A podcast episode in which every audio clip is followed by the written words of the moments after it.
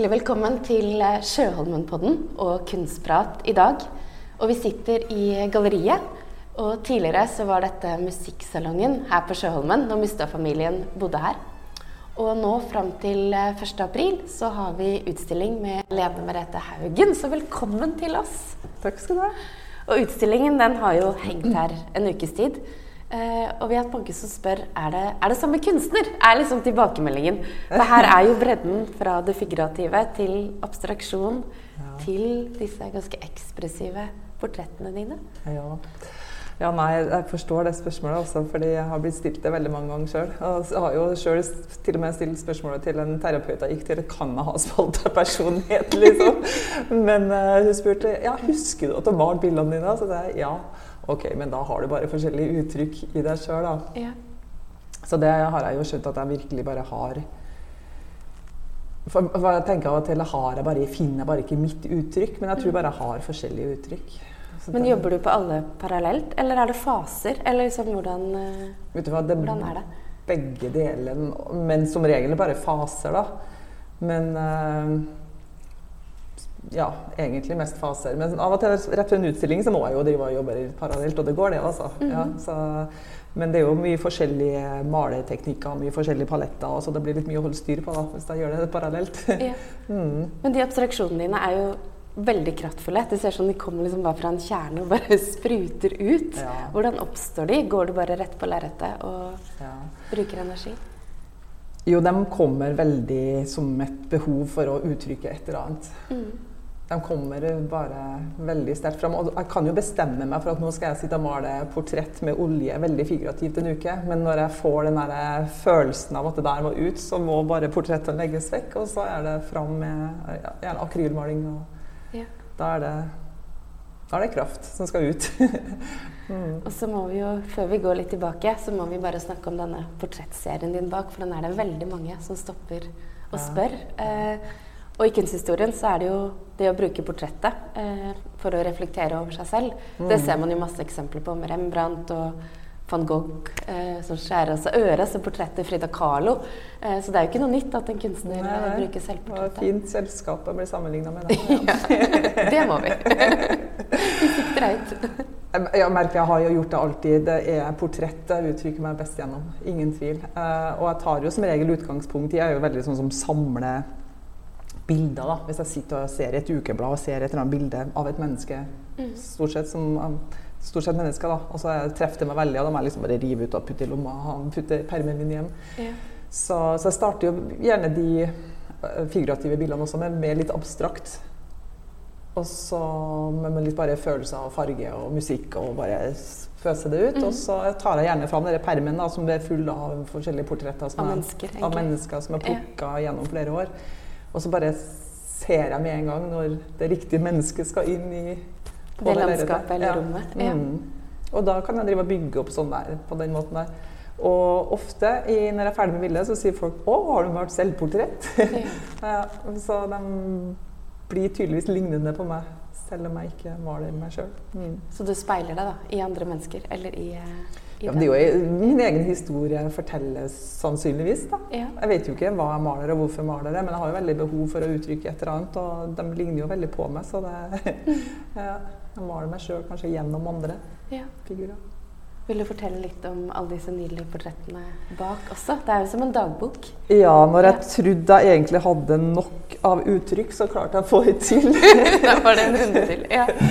Eh, det skjedde når jeg var på et opphold på Modum, for jeg sliter med traumer. Mm. Der har de en veldig bra traumebehandling. Du må være der i tre måneder, da. Mm. Og går gjennom et uh, undervisningsopplegg der.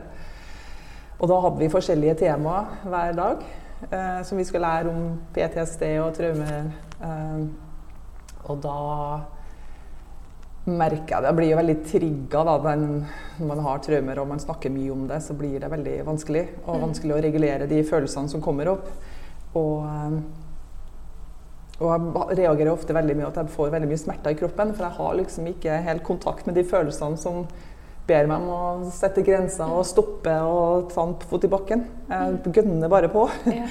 Eh, så når at jeg Så sier hun ene terapeuten på Modum at hvis du når du får det sånn, og du kjenner den smerten kommer i kroppen, kan ikke du bare male den, Lene? Du som har eh, maleverktøyet inne, kan ikke du bruke malinga som en del av terapien din? Ja, så tenkte jeg at ok, det var kanskje et bra forslag. Og så hadde jeg jo bare rommet mitt og akvarell blokk med noen akvarellfarger. Og uh, intuitivt bare søkte jeg etter fargen som passa på mm. følelsen og i smerten i kroppen. Ja. Og maler det bare som kommer. Legger mm. mye vann på, sånn at fargene begynner å leve sitt eget liv. Og uh, oppdager jo det veldig at ved å male de her portrettene Når jeg egentlig bare maler en smerte i kroppen, så når jeg ser på det etterpå, så kjenner jeg plutselig følelsen. Hva den følelsen går på, mm. som skaper den smerten. Så tør du å ta tak i den også? Ja, og da ja. man ser den, så jeg tok jo med det her inn i terapirommet, og vi snakka om det, og da, da, lå jo følelsene der klart for meg. Hva, ja. hva er det egentlig? Som, du gjorde det tydelig ja, for meg selv. manifestert i dette portrettet. Mm. Mm.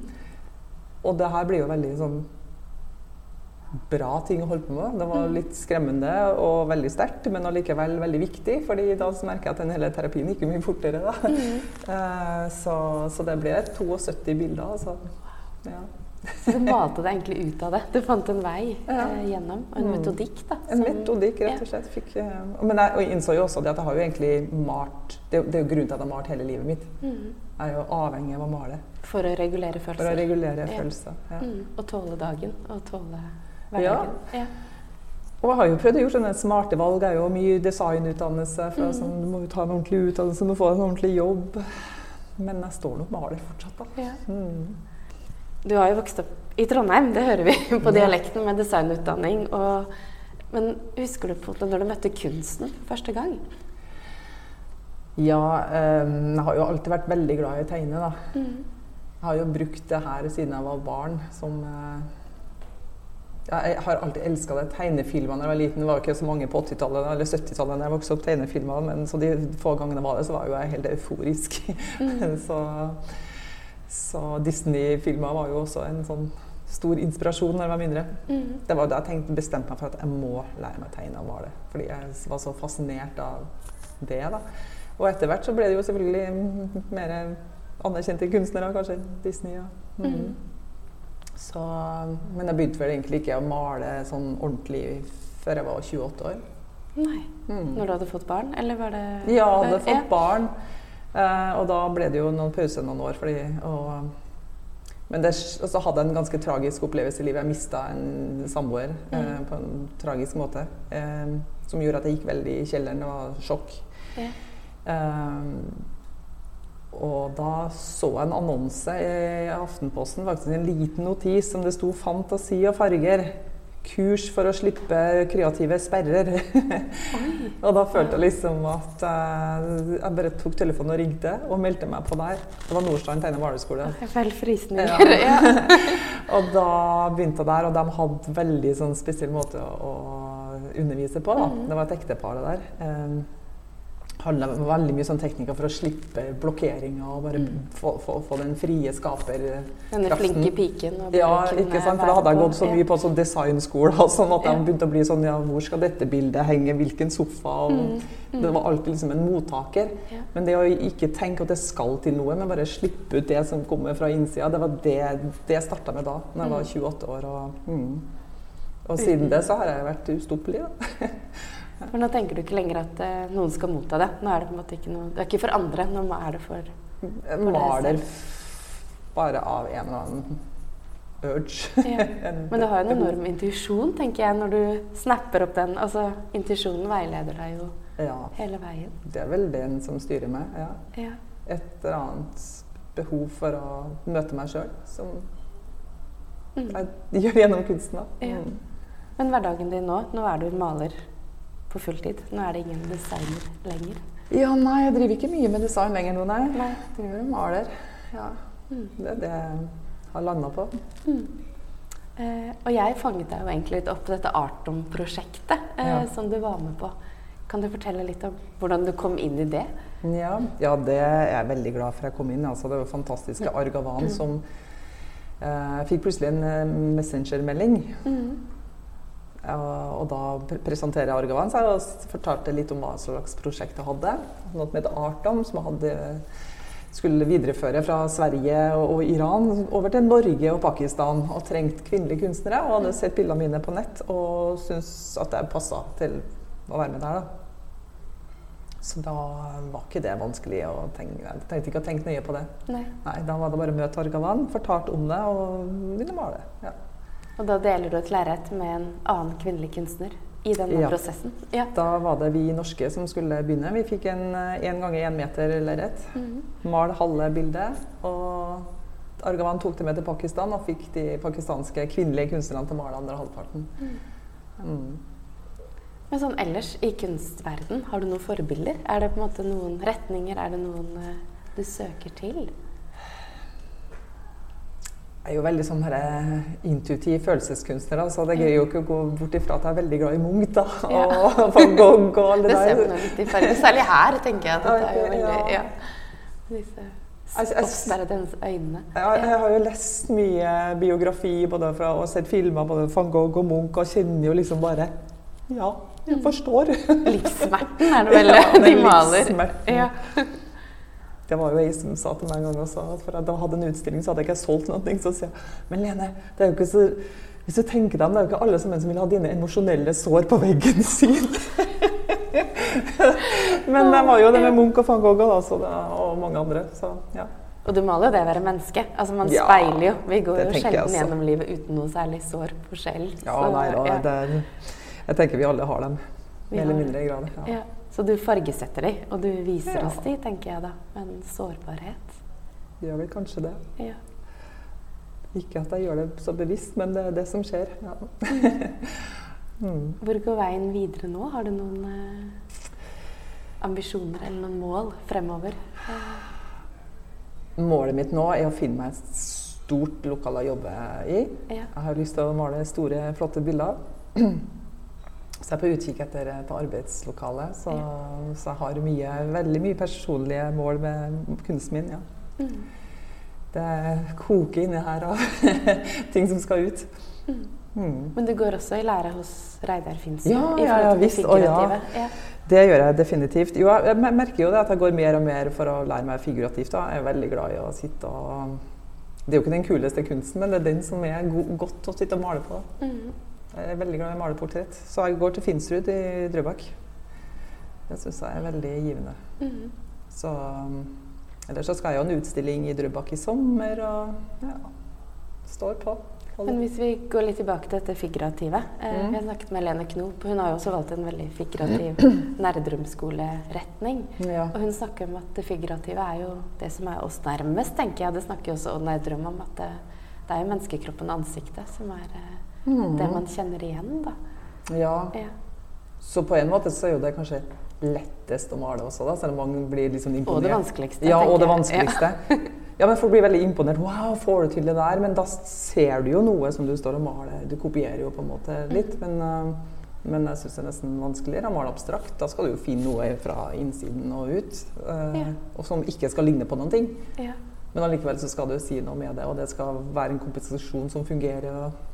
Så, så det Folk som ser på sånn abstrakt kunst og sier at «Åh, det der kunne jeg nå gjort sjøl. Ja, vel bekomme, tenker jeg da. Men det er jo interessant, tenker jeg. At du syns faktisk den abstraksjonen og det ja. ja, ekspressive er mer krevende enn den eh, tekniske figurative. Det er mye lettere å komme i gang med, Ja. men jeg syns det er vans- vanskeligere å fullføre det og få det til å fungere som et maleri. Som jeg kan stå inne for. Mm.